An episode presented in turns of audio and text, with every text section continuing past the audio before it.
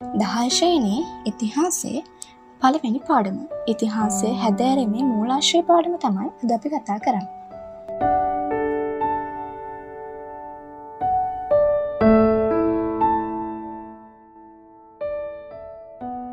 ඉතිහාසය හදාරන්න අපිට මූලිකවම අවශ්‍ය වෙනවා මූලාශ්‍ර. අතීතය පිළිබඳව තොරතුරු ලබාගන්න පුළුවන් මූලාශ්‍ර විවිධ වෙනවා. මේ එක් එක් මූලාශ්‍රය හඳුනා ගැනීම මූලාශ තොරතුරු මත ඉතිහාසය ගොඩනගෙන ආකාරයත්.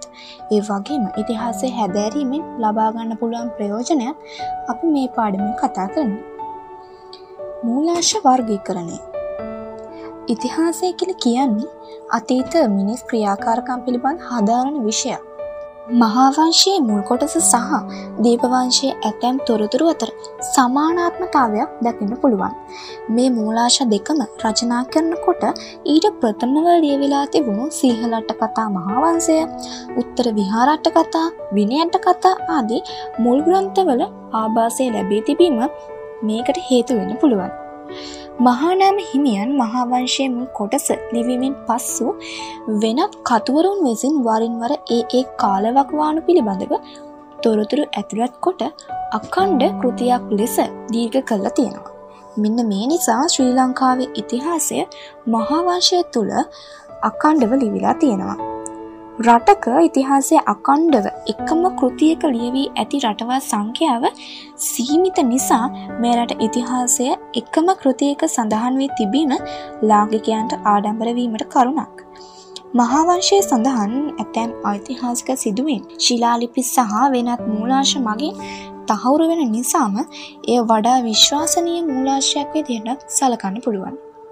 මහාවංශයේ මුල් කොටස ලියවිලා ශතවර්ෂ හතරකට පමණ පසු පාලි භාෂාවෙන් රජත එම කෘතියේ ඇතැම් තැන් තවත් විස්තර කරලා අර්ථ විවරණය සඳහා ටීකාවක් සම්පාධනය කරලා තිබෙනවා.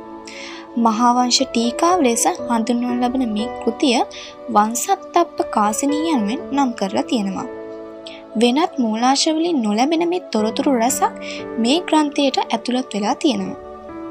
මෙරට ඉතිහාසේ අන්රාධපුරයුගේ සිටම මහනුව රාජ්‍ය සමය දක්වා කාලපරිච්චේදය තුළ දේශීය සාහිත්‍ය කෘති ලෙස සැලකිය හැකි තවත් ග්‍රන්ථ රැසක්ම රචනා වෙලා තියෙනවා. ධර්ම ග්‍රන්ථ ලෙස සැලකින්න පුළුවන් බෝධිවංශය තුූපවංශය ධාතුවංශය පූජාවලිය සද්ධර්මා ලංකාරය වැනි කෘති රජරට ශිෂ්ඨාචාර සමය ඉතිහාසය හැදෑරීමට වැදගත් වෙනවා. මෙරට ශාසන ඉතිහාසය පිළිබඳව ලියවිලා තියෙන නිකාය සංග්‍රහය දේශපාලන තොරතුරු ඇතුළත් රාජාවලිය වැනි කෘති ගම්පිල රාජ්‍ය සමයෙන් සිට කෝට්ටේ රාජ්‍ය සමය කාලය දක්වාම ඉතිහාසය හැදෑරීමේ වැදගත් මූලාශ වෙනවා. කෝට්ටේ රාජ්‍යකාලයේ සිට මහනුව රාජ්‍ය සමය දක්වා ඉතිහාසය හදාරෙනකොට සංදේශ කාව්‍ය ප්‍රශස්ති කාවය සහ හටන් කාව්‍ය ආදිය වැදගත් වෙනවා.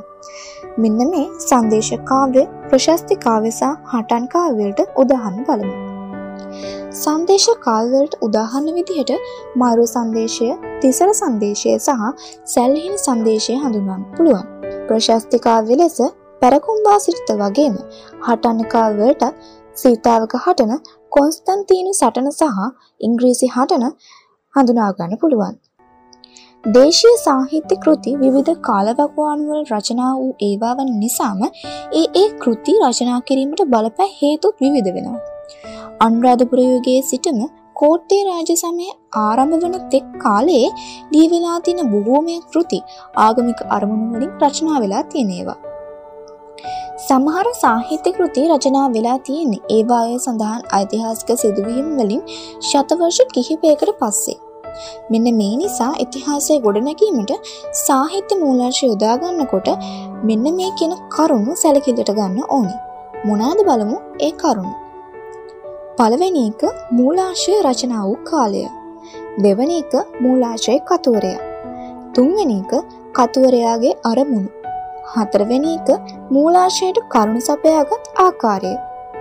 මෙන්න මේ අනුව සාහිත්‍ය මූලාංශ පරිශීලනයේදී විචාර බුද්ධයකින් කටයුතු කරන්න ඕනි බව අපිටත් වැටහෙනවා. එතෙක් වෙලා අපි කතා කරේ දේශීය සාහිත්‍ය මූලාංශ පිළිබඳව. දැන් අපි කතා කරමු විදේශීය සාහිත්‍ය මූලාංශ ගැන. අන්රාධපුර යුගයේ මුල්භාගයේ සිටම ශ්‍රී ලංකාව විදේශ රටවල් සමඟ වෙළන් සමතා පැවැත්වූ නිසාම ඉන්දයානු සාගරයේ වෙන්ඩ කටයුතුවල නිරත වූ බොහෝ විදේශිකයෝ මෙරට පිළිබඳව දැන හිටිය. මෙන්න මේ නිසා ක්‍රිස්තුපූර අවධිය පවා විදේශකින් ලියව් ඇතැම් කෘතිවල ශ්‍රී ලංකා පිළිබඳ යම් යම් තොරතුරු ඇතුළත් කළ තියෙනවා. ඈත අතීතයේ සිටම ලංකාව සහ ඉන්දියාව අතර හොඳ සබත්තාවක් තියෙනවා. මෙන්න මේ නිසා ඉන්දියාවේ ඇතැම් මුලාශවල ලංකා පිළිබඳ තොරතුරු සඳහන් වෙලා තියෙනවා. දකුණු ඉන්දියාවේදී රචිත සිලප්පාධිකාරම් මනිමේකලී පදිට්ටු පත්තු වැනි දෙමළ ග්‍රන්ථවලත් ලංකාව ගැන තොරතුරු දෙක ගන්න පුළුවන්. ක්‍රිස්තුවංශ දාසය වන සේවසේදී පෘතුගීසින් මෙරටට පැමිණීමෙන් පස්සේ ශ්‍රී ලංකා පිළිබඳ වෙනම තොරතුරු ඇතුළත් ග්‍රන්ථ පවා රචනා කරන්න ඇතැම් විදේශකය පෙළඹිලා තියෙනවා. ශ්‍රී ලංකාව ගැන සඳහන් මේ විදේශී මූලාශ්‍රය දෙස බලනකොට ලංකාවට නොපැමැනි වෙනත් අයගෙන් අසා දැනගත්තොරතුරු පදනම් කරගෙන මෙරට ගැන ලියූ ලේඛකයන් මෙන්න ලංකාවට පැමිණ තොරතුරු අධ්‍යයනය කර ලියූ ලේඛකයන්ද සිටින බව අපිට දැකගන්න පුළුවන්. ශ්‍රී ලංකාවට පැමිණ මෙහි ඇති තත්තු දැක බලා ඒ පිළිබඳව තබන ලද වාර්තා සහ ඒවායේ කතරුවරු. චීන මූලාශ්‍රය පාහියන් හිමියන්ගේ දේශාටන වාර්තාව නැත්නම් බෞද්ධ රාජධානය පිළිබඳ විස්තරය. අරාබි මූලාශ්‍රය ඉබෙන් බතූතාගේ දේශාටන වාර්තාව. පෘතුගීසි මූලාශ්‍රය. රිබෙයිරෝගේ ලංකාව පිළිබඳ ග්‍රන්ථය. නැත්නම් රිබෙයිරෝගේ ලංකා ඉතිහාසය. ඕලන්ද මූලාශ්‍රය. ෆිලිප්පස් බැල්ඩියස්ගේ කෘතිය. නැත්නම් බැල්ඩියස්ගේ ලංකා පුරාවෘත්තය. ඉංග්‍රීසි මූලාශ්‍රය.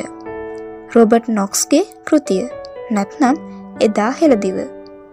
තමන් විසින් නොදුටු එහෙත් වෙනත් අය විසින් පවසන් ලද තොරතුරු මත පිහිටා ශ්‍රී ලංකා පිළිබඳ වාර්තා තැබූ කත්‍රවරුන් සහ ඔවුන්ගේ කෘති. ග්‍රීක මූලාශ්‍රය. ඇරිස්ටෝටල්ගේ ඩිමුන්ඩෝ කෘතිය. මෙගස්තිනීස්ගේ ඉන්ඩිකා කෘතිය. ඔනෙසික්‍රිටස්ගේ වාර්තා. රෝම මූලාශ්‍රය. ප්ලිනීගේ නැචුරලිස් හිස්ටෝරයා කෘතිය. ටොලමිගේ භූගෝල ශාස්ත්‍ර ප්‍රවේශය කෘතිය. ටොලමිගේ ලංකා සිතියම. චීන මූලාශ්‍රය.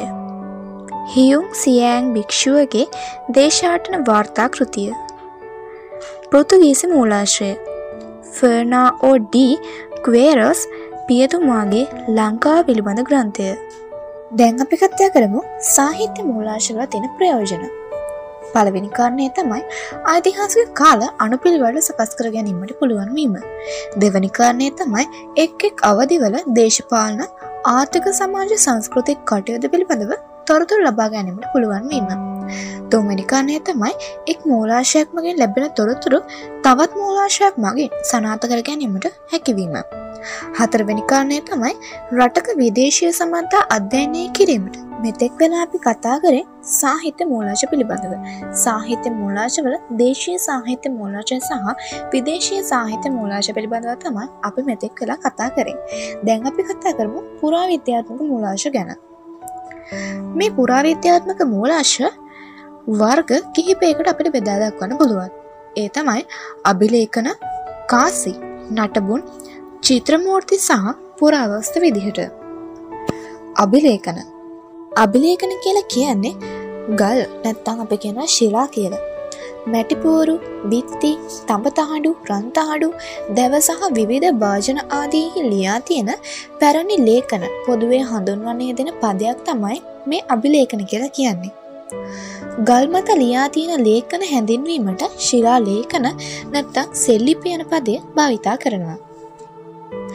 සෙල්ලිපි ශිලාලේඛන හෙවත් සෙල්ලිපි ලියා ඇති ගල්වල ස්වරූපය අනුව ඒවා වර්ග පහක් වෙනවා. ඒ තමයි ලෙන්ලිපි, ගිරිලිපි, ටැම්ලිපි, පුවරලිපි සහ ආසන්ලිපි විදිහට. මෙරට පැරණිතම ශිලාලේඛන බ්‍රාහ්මිය ලිපි විදිහට හඳුන්වනවා. ප්‍රධාන වශයෙන් මේ ලිපි භික්ෂූන්ට ලෙන්පිදීම් වැනි දේ වාර්තා කර තැබීමට තමයි භාවිතා කළ තියෙන්නේ. ඒ වගේම පැරණි සමාජ ඉතිහාසය සහ ජනවාස ව්‍යාප්තිය තේරුම් ගන්නත් මේ ලිපි වැදගත් වෙනවා.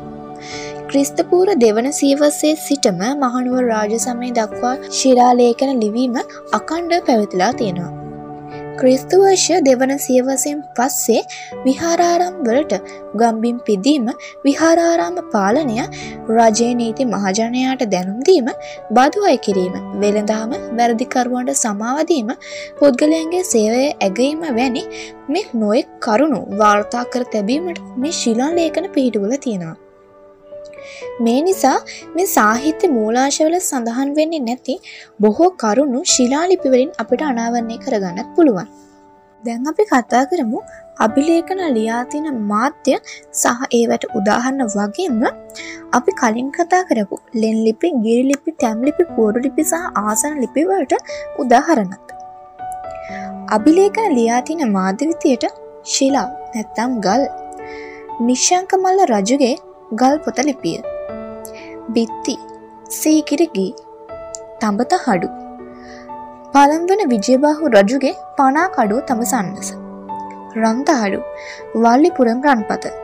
දැව ඇම්බැක්කේ දේවාලේ දැවකනුවල් ලියව් ලේකන මැටිපුවරු උළු සහ ගඩොල් මත ලියව් අකුරු. භාජන මැටිවලම් පාත්‍ර ආදියේ ලියවුල අකුරු. ලෙන්ලිපි කියල කියන්නේ ගල්ලෙන් වල කටාරම අසල් ලියෝ ලිපුයි. ගිරිලිපි කියල කියන්නේ ගල් තලාවල හෝ ගල් කුළු මත ලියූ ලිපිවලට. ටැම්ලිපි කියල කියන්නේ සකස් කරගත් ගල් කුළුණු මත ලියූ ලිපිවලට. පූරුලිපි කියල කියන්නේ සකස් කරගත් ගල් පූරු මත ලියෝ ලිපිවලට. ආසන ලිපි කියල කියන්නේ මල් ආසනමින් තැබූ ගල් පූරු මත ලියෝ ලිපිවලට. කාසි අනුරාධපුර යුගයේ සිටම ලංකාවේ කාසි භාවිතය පැවතිලා තියෙනවා. මෙරටින් හමුවන පැරණිතම කාසි හඳුන්වන්නේ කහපන කාසි විදිහට. පුරාණ හෝ දරණ යන නම්වලනොත් මේ කාසිවලට ඇදෙනවා. ඇත්තා සහ සවස්තික කාසි ලක්ෂ්මිකාසි සහ අකනම් රන්කාසි වර්ගයකුත් මෙරට භාවිතා කලා තියෙනවා. පොළොන්නරු රාජ්‍ය සමයේ තඹමස්ස කාසි භාවිතා කලා තියෙනවා. මෙරටට අවශ්‍ය කාසි රට තුළම නිෂ්පාදනය කළ තියෙන නිසාම කාසි නිපදූ අච්චු පවා කැනීවලින් හමුවෙලා තියෙනවා. දේශීය කාසිවලට අමතරව මේ රෝම කාසි චීන කාසි ඉන්දියානු කාසියාදියන් ශ්‍රී ලංකාවේ හමුවෙලා තියෙනවා. ඒ වගේම රටේ ආර්ථික තත්ත්වය වෙළඳාම සහ ලෝහ භාවිතය පිළිබඳ අපිට හදාරන්න පුළුවන් මේ කාසි මගින්. පුරාණ කාස පිළිබඳව හදාරණ විෂය නානක විද්‍යාව කියලා හඳුන්වනවා. පුරාණ නටබුන් ශ්‍රී ලංකාවේ බොහෝ ප්‍රදේශවල පැරණි ගොඩනැගිලි දාගැප් ගල්කණු වැව් පොකුණ ආදී නටබුන් අපිට දෙක ගන්න පුළුවන්. අතීතයේ මෙරට ජනතාව ජීවත් වූ ඇතැන් ස්ථාන තවමත් වනගත්ව පවතන නිසාම වනාන්තර ආශ්‍රිතව වුවත් මෙබඳු නටබුන් දැක ගන්න පුළුවන්. ඓතිහාසික ස්ථාන හෝ පුරාවිද්‍යාත්මක ඉස්මාර ලෙස හඳුන්වන් ලබන මේ නටබුන් මෙරට ඉතිහාසය හැදෑරීමේ හොඳම මූලාශ්‍රයක්. පැරණි ජනතාවගේ නිර්මාණාත්මක හැකියාව තාක්ෂණය ගොඩනැගෙන නිර්මාණය හෙවත් වාස්තු විද්‍යා පිළිබඳවත් ශිල්පීය දක්ෂතාව පරිසර සංරක්ෂණ හැකියාව ජල පාලනය වැනි විවිධ අංශ පිළිබඳව අපිට නිරවූ දැනුමක් ලබා ගැනීමට මේ නටබුන් වැදගත් වෙනවා. අපි කතා කරමු චිත්‍ර මූර්ති සහ පුරාවස්තු පිළිබඳව. පැරණි චිත්‍ර මූර්ති සහ කැටයම් ආදය අපේ සංස්කෘතික ඉතිහාසය පෙන්නුම් කරන ජීවමාන සාක්ෂි වෙනවා. අතීත ජනතාවගේ ඇඳුම් පැළඳුම් කලා කුසලතාව ආභරණ පරිහරණය වර්ණ භාවිතය ආගමික විශ්වාස ආදී බොහෝ අංශ පිළිබඳව තොරතුල් ලබා ගැනීමට මේ චිත්‍ර මූර්ති සහ කැටයම් උපකාරී වෙනවා. ඊගිරි චිත්‍ර අපි උදාහරණයක් විදිහට ගත්තොත් පැරණි කාන්තාවන්ගේ ඇඳුම් පැළඳුම් ආභරණය කොන්්ඩ මෝස්තර රූපලාවන් කටයුතු වගේ අංශ කිහිපයක් ගැනම මේ මගින් අපිට තොරතුල් ලබාගන්න පුළුවන් වෙනවා. පැරන් ජනතාව විසින් නිර්මාණය කරන ලද හෝ පරිහරණය කරන ලද හෝ දැනට ඉතිරිව ඇතිතේ තමයි අපි පුරා වස්තු කියලා හඳුන්වන්නේ. මෙරට කෞතුකාගාරවල ආගමික ස්ථානවල විවිධ ආයතන හෝ පුද්ගලන්ගේ බාරේ මේ පුරාවස්තු පවතිනවා. කැනීම් මගින් බහුලවම පුරාවස්තු අපිට හම්බ වෙනවා. පැරණි ජනතාවගේ විවිධ හැකියා කුසලතා පැරණි සංස්කෘතිය තාක්ෂණය විවිධ සම්මතා සහ ඔවුන්ගේ ජීවන ක්‍රමයාදී අංශ රැසක් පිළිබඳව අපිට අවබෝධය ලබා ගන්න මේ පුරාවස්තු බෙහෙම අපිට උපකාරී වෙනවා. මේ අනුව සාහිත්‍ය මූලාශවල සඳහන් තොරතුරු පුරාවිද්‍යාත්මක වශයෙන් සනාත වෙනවා. ඒවා වඩා විශ්වාසදාය තොරතුරු විදිහට සැලකෙනවා. කිසියම් ඓතිහාසික සිදුවීමක් පිළිබඳව ඉතිහාසය ගොඩනගනකොට ඊට අදාළව සපයාගත හැකි සියලු මූලාශ අපි පරිශීලනය කරන්න ඕනේ. එහිදී ලැබෙන විවිධ තොරතුරු විචාරාත්මකව හදාරලා වඩා විශ්වාසදායි තොරතුරු තෝරාබේරගෙන අදාළ සිදුවීමේ ඉතිහාසය ගොඩනගා ගන්න ඕනි. මේ තොරතුරු අනුව ශ්‍රී ලංකාව ඉතිහාසය ගොඩනගා ගන්න මේ මූලාශ රාශියක් තියෙන බවක් මේ මූලාශ ශ්‍රී ලංකාව ඉතිහාසය ගොඩනගා ගන්න පිටුවහලක් ලැබෙන බවත් අපිට හඳුනා ගන්න පුළුවන්.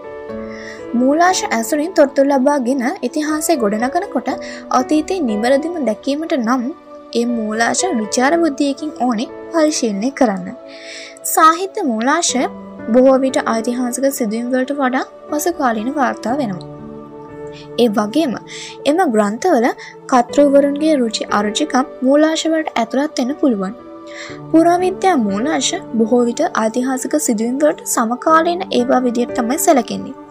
දැන් අපි කත්තා කරමු ඉතිහාසය ඉගෙනීමේ වැදගත්කම් මොකක්ද කියලා.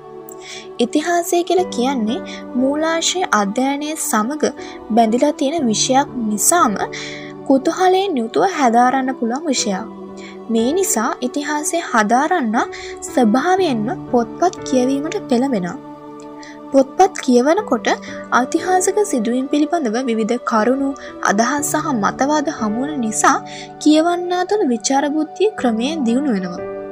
මෙන්න මේ නිසා ඔහු සෑම දෙයක් පිළිබඳව තර්කාන කූලව සිතීමට පෙළඹෙන වගේම ඒ මගින් ගැටලු නිසි පරිදි තේරුම් ගැනීමට හැකියාව ලැබෙනවා. ගැටලු නිසි පරිදි තේරුම්ගත් විට ඒවාට නිර්මාණාත්මකව පිළිතුර සෙවීමට ඔහුට හැකියාව ලැබෙනවා. එන්න මේ නිසා ඉතිහාසය ඉගෙනීමෙන් කෙනෙකුගේ පෞරුෂත්වය වර්ධනය වෙනවා. මීට අමතරව ඉතිහාසය ඉගෙන ගැනීමෙන් අපිට මෙන්න මේ කියන ප්‍රයෝජන ලබාගන්න පුළුවන්. පළවෙනි කාරණය තමයි තමා ජීවත්වන සමාජය සහ ලෝකය පිළිබඳව යථාවබෝධය අපිට ලබාගන්න පුළුවන්. දෙවැනි කාරණය තමයි අතීත අත්දැකී මගින් වර්තමානය තේරුම් අරගෙන අනාගතය යොඩනගා ගැනීමට හැකිවෙනවා. තුන්වෙනි කාරණය තමයි රටේ ජාතික අනන්‍යතාව හඳුනාගන්න පුළුවන් වෙනවා. හතරවෙනි කාරණය මනුෂ්‍යත්වයට ආදරය කිරීමෙන් ජාතික සමගිය ගොඩනැගෙන. පහ අන්‍ය සංස්කෘතීන්ට ගරු කිරීමට පුරුදු වෙනවා. හය විවිධ මත ඉවසීමටත් අපිට හැකි වෙනවා. පුරාවිද්‍යාත්මක මූලාශ ආරක්ෂා කර ගැනීම. ශ්‍රී ලංකාවට හිමි මේ දීර්ඝ ඉතිහාසයත් අතීත ජනගහන ව්‍යාප්තියත් ශතවාශ ගන්නාවක් තුළ මෙරට ජීවත් වූ ජනසංඛ්‍යාව දෙස බලනකොටත් මේ පුරාවිද්‍යාත්මක මූලාශ වශයෙන් අද අපිට ඉතිරිවෙල තියෙන්නේ ගල් ලෝහ හෝ පිරිසු මැටිවැනි කල්පවත්නා අමුද්‍රාව්‍ය වලින් කළ නිර්මාණ විතරයි. නැත්නම් වැැව්වා මුණු වැනි මහා පරිමාණ නිර්මාණ ඒ අතරට වැටෙනවා. රට තුළ සිදුවන ශීග්‍ර නාගරික ජනාවාස ව්‍යාප්තිය මංමාවත් තැනවීම ගොඩනැගිල ඉදිකිරීම කෘෂිකාර්මික කටයුතු ආදී නිසාම ඇතැම් විට මේ වටිනා මූලාශ විනාශයන අවස්ථා තියෙනවා. ඓතිහාසික ස්ථාන ස්මාරක සහ පුරාවස්තු අදාපිට දක්නට තියෙන්නේ අපේ අතීත පරම්පරාව ඒවා ආරක්ෂා කළ නිසා නේද.